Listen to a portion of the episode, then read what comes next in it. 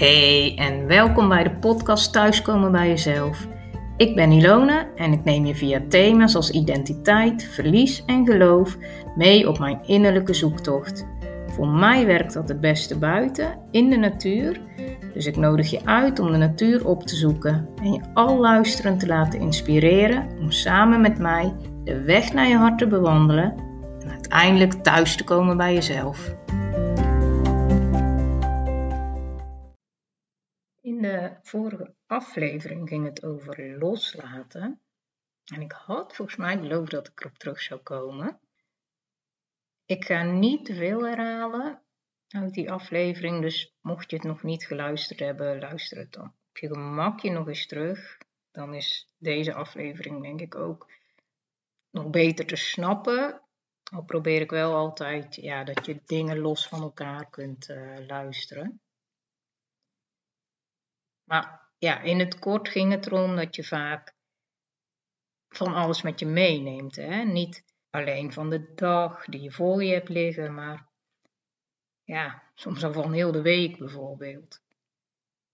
En nog belangrijker, vaak niet eens altijd dingen van jezelf, maar juist van anderen. En meningen, patronen die zijn opgebouwd. Omdat ik nu een aantal keren met mensen heb gewerkt die terminaal zijn en ja, het zelf ook van dichtbij heb meegemaakt, als je dat in de aflevering hebt gehoord, uh, met mijn vriend, gaf ik aan dat het eigenlijk best bijzonder is om te zien hoe ja, in zo'n laatste fase van iemands leven zoveel wegvalt waar je normaal, ja, waar je je heel druk over kunt maken. Bijvoorbeeld hoe je iedereen te vriend wilt houden of ja, het allemaal maar goed wil doen. En ja, uiteindelijk doet dat er helemaal niet meer toe. Maar ja, het ging er in de vorige aflevering zo om, of dat was een beetje de afsluiting, want het is ergens zonde om pas op dat punt te komen als je echt geen andere keuze meer hebt. Het is zo mooi als je dat al eerder hè, zelf in hand kan hebben. En dat kan.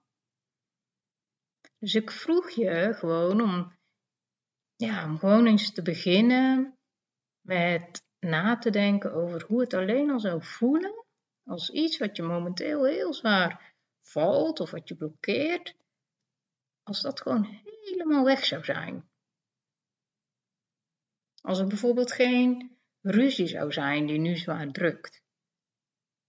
Of geen stress van het werk of geen moeite om aan de dag te beginnen.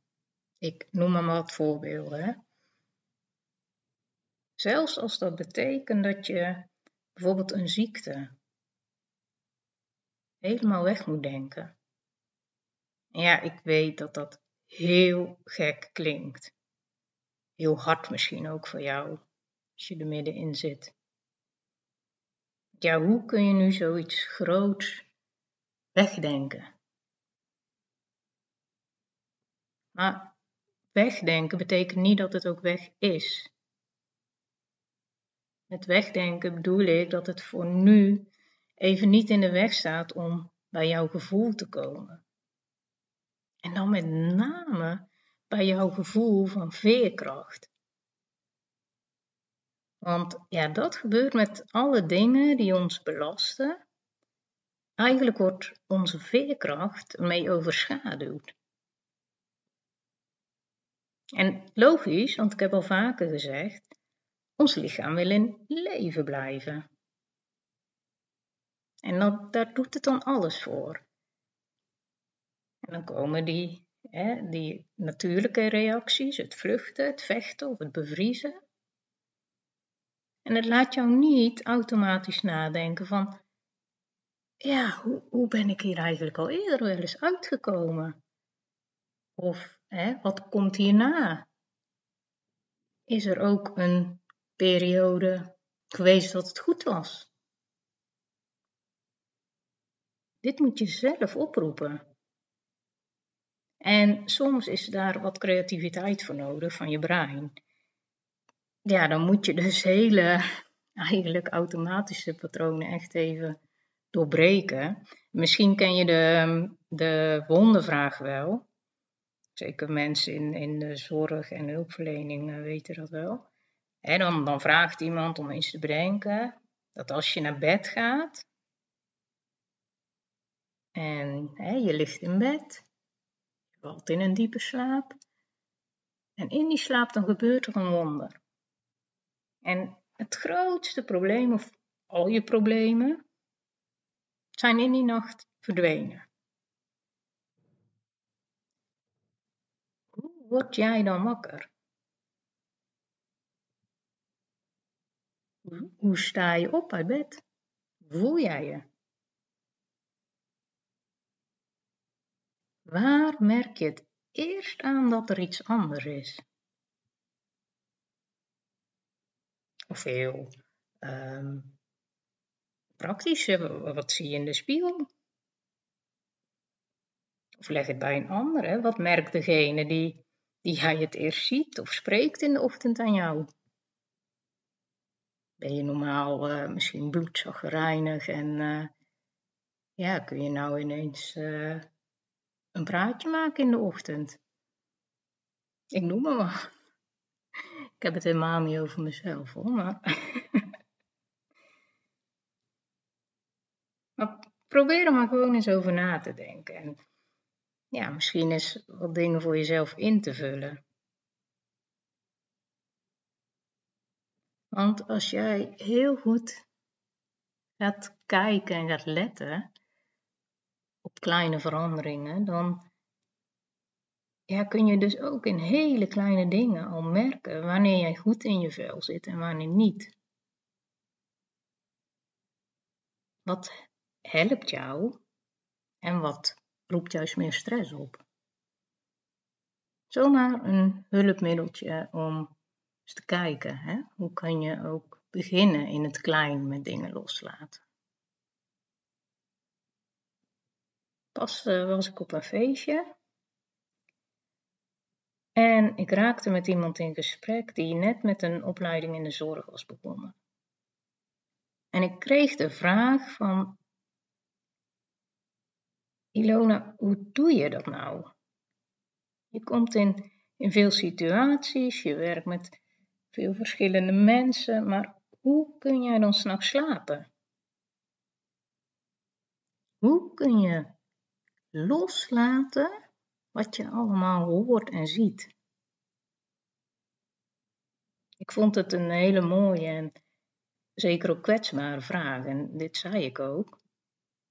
Vooral om, ja, omdat het degene zelf maar niet lukt om thuis de rust te krijgen, om de verhalen uit het hoofd te zetten. Oh, en weet je, dit is zo herkenbaar. Ik denk misschien voor jou ook wel. En het maakt misschien niet eens zoveel uit wat voor werk je doet. Want we horen allemaal wel eens ingrijpende dingen van mensen om ons heen, of, of we maken ze van dichtbij mee. Ja, en hoe kun je dan meeleven zonder jezelf te verliezen? Ik, ik blijf dat ook altijd een uitdaging vinden hoor, maar ik, ik ja, ben daar zeker wel en mijn weg in gegaan en ik heb daar ook wel echt mijn weg in, ehm, in gevonden, al is, al is dat echt nooit klaar. Maar het stomme is dat ik hiervoor echt eerst keihard op mijn bek moest gaan. Ik vertelde bijvoorbeeld diegene van de vraag van, ehm, toen ik stage, voor het stage ging lopen, dat ik echt vond dat ik alles moest kunnen. Het moest allemaal goed gaan. Ik liep stage in een jeugdzorginstelling. En ik kwam daarvoor in veel gezinnen, ook ja, die bijvoorbeeld onder toezicht stonden van de kinderbescherming. Ik had zo het gevoel dat ik me groot moest maken. Zodat ze ook geen seconde zouden denken dat ze bijvoorbeeld over me heen konden lopen of dat ik in zou storten. Ja, en dat kostte natuurlijk keihard veel energie. Ja, er komt gewoon een hoop op je af. En dan moet je je ook nog eens een soort van anders voordoen dan je bent. Pas toen ik ehm, tijdens een crisissituatie, of toen we uit die crisissituatie gingen, in de auto ehm, en in de auto van mijn begeleider uh, zaten. En ik weet, want ik, ik moest toen echt, uh, ik moest toen echt wel huilen. Toen gaf mijn begeleider aan. En nu ben je waar je voor nu moet zijn, Ilona. Ja, wat dat betreft echt hoor. Ik zou willen dat iedereen zo'n zo'n stage en vooral een begeleider mag treffen. Waar je echt jezelf mag ontdekken of eigenlijk jezelf tegen mag komen. Waar je echt even onderuit mag gaan. En ja, ook in alle kwetsbaarheid en daarin ook alle tijd krijgt om aan jezelf te werken. Ik gun dat ook zo iedere jongere op dit moment. Het is ook zo hard nodig, denk ik. Of denk ik, weet ik wel zeker. Echt jezelf leren kennen en daarbij ook je grenzen. En ook leren van, joh, ik, hoef niet alles uh, hè, goed te doen. Ik kan niet alles uh, in de hand houden. Nee, soms ga je onderuit en dat geeft niet. En was ik er daarmee? Nee, natuurlijk niet. Ik ben nog wel duizend keer uh, op mijn bek gegaan en dat doe ik nog steeds. Maar ja, ik weet nu dat dat niet erg is. dat de wereld niet vergaat als ik even mijn dag niet heb. Of um, als ik een fout maak. Maar in plaats van bijvoorbeeld te vechten, of juist te vluchten door, door maar niks te zeggen, weet ik nu dat er voor mij ook veerkracht in delen en kwetsbaarheid zit. Dat ik niet alles zelf hoef te doen. Niet alles zelf hoef op te lossen. En ik heb wel eerlijk aangegeven, en dat is ook echt, dat het geloof mij hierin ja, ook wel um, hoe zeg ik dat, e enorm heeft laten groeien. Misschien heb ik dit uh, voorbeeld al eens verteld. Maar goed, dan hoor je het lekker nog een keer. Soms zijn dingen ja, nu helemaal een belangrijk keerpunt en ja, komen ze ook vaker terug. En dat is met dit ook. Ik werkte ooit uh, met meerdere hulpverleners bij iemand. Wat eigenlijk zo uitzichtloos was. Alle vlakken.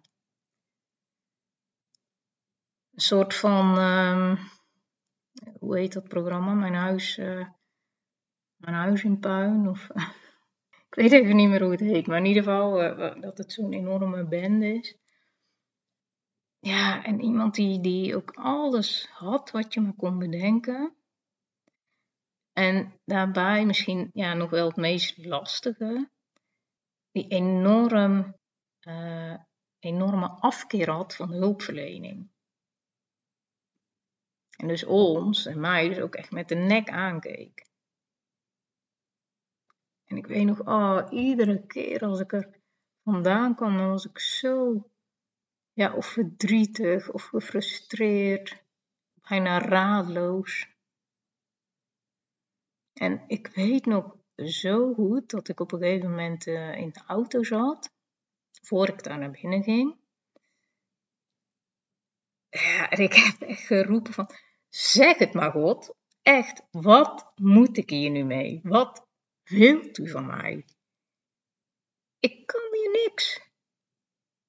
Zeg het maar, want ik, ik weet het echt niet meer. En weet je wat het gekke was? Ik liep naar binnen en alleen dat al, het, het voelde zoveel lichter dan normaal. Ja, ik weet op het moment dat diegene begon te schelden, want dat gebeurde vaak, stond ik ook op en ik gaf aan van, nou, wanneer er weer gewoon gesproken kan worden, dan kom ik weer terug. En natuurlijk, hè, dat was best een, een spannend moment, want ja, ergens schreeuwde het natuurlijk in mij. Oh, Ilona, wat doe je nu? Nou, kom je er niet meer in. Is heel het contact kwijt. Ik had in mijn werk nog nooit zo op mijn grens gestaan. En mijn grens getrokken. Eigenlijk een soort van fysieke grens ook. Dus ik moest ergens ook tegen mijn eigen natuur in. Ik merkte juist toen kwam ik veel dichter bij mijn echte natuur, bij mijn eigen natuur. En dat maakte ook dat ik eigenlijk heel rustig was. Ja, en ik stond nog niet bij de deur of, of ik werd al teruggeroepen. En vanaf toen leek er van beide kanten leken er muren weg te vallen. Ook ik had natuurlijk muren opgebouwd. Muren die me beschermden tegen de machteloosheid, tegen frustraties, tegen angst, tegen afwijzing. En dat moest ik ook onder ogen zien. Ik hoef deze persoon niet te redden. Ik mag er zijn voor de ander en doen wat ik kan. Op, op mijn plek, op mijn manier, met mijn grenzen. Ik hoef de ander niet af te wijzen, maar ik hoef het ook niet als afwijzing te voelen als iemand zijn muren optrekt, bijvoorbeeld. Ja, en als dat dus voor mij geldt, dan geldt dat voor de ander ook. En dan mag er iets moois ontstaan. Iets moois waarin iedereen tot zijn recht mag komen. Waarin zelfs weer gelachen kan worden en iets tot een heel mooi eind gebracht kan worden, hoe uitzichtloos iets ook lijkt. En nee, dat betekent echt niet dat alles opgelost kan worden. Dat gaat niet in het leven. Soms hebben dingen heel veel tijd nodig. Die tijd hebben wij vaak niet. En soms komt er nooit een oplossing voor iets of zien wij het niet. Maar dan zit juist de oplossing in hoe je er met elkaar mee dealt. Ook dat is veerkracht. En dan mag je ook al veel loslaten hoor.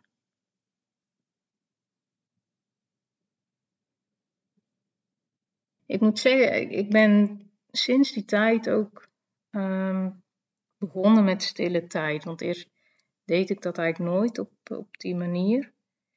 Dus eigenlijk met gebed, ja, voordat de werkdag of de dag echt begint.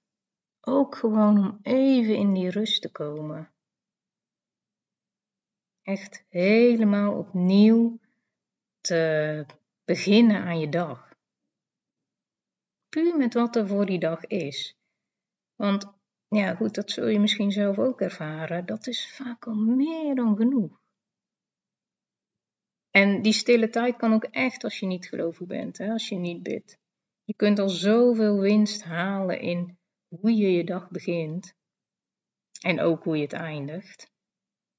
Ik heb bijvoorbeeld na een werkdag echt even nodig om, om, om, om buiten te zijn of om te bewegen. Even de, de spanning uit mijn lijf, ontlading.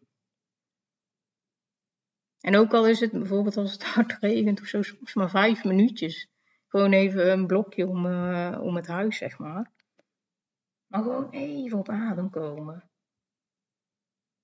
echt loslaten. En ik ga absoluut niet voor jou invullen hoe jij dat uh, moet doen.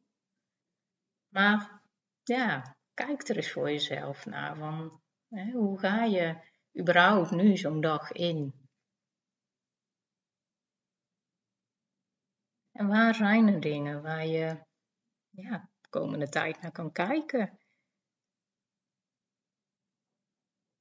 Die jou helpen om los te laten. Ik ben heel benieuwd, dus hou me zeker op de hoogte. En voor nu, tot de volgende aflevering.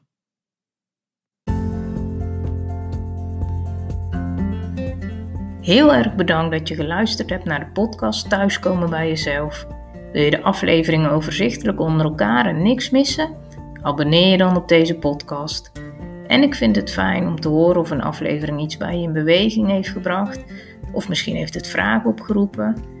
Je kunt reageren bijvoorbeeld via het contactformulier op www.issue.nl, ISYOU, of volg me op Instagram, Ilona Zonneveld.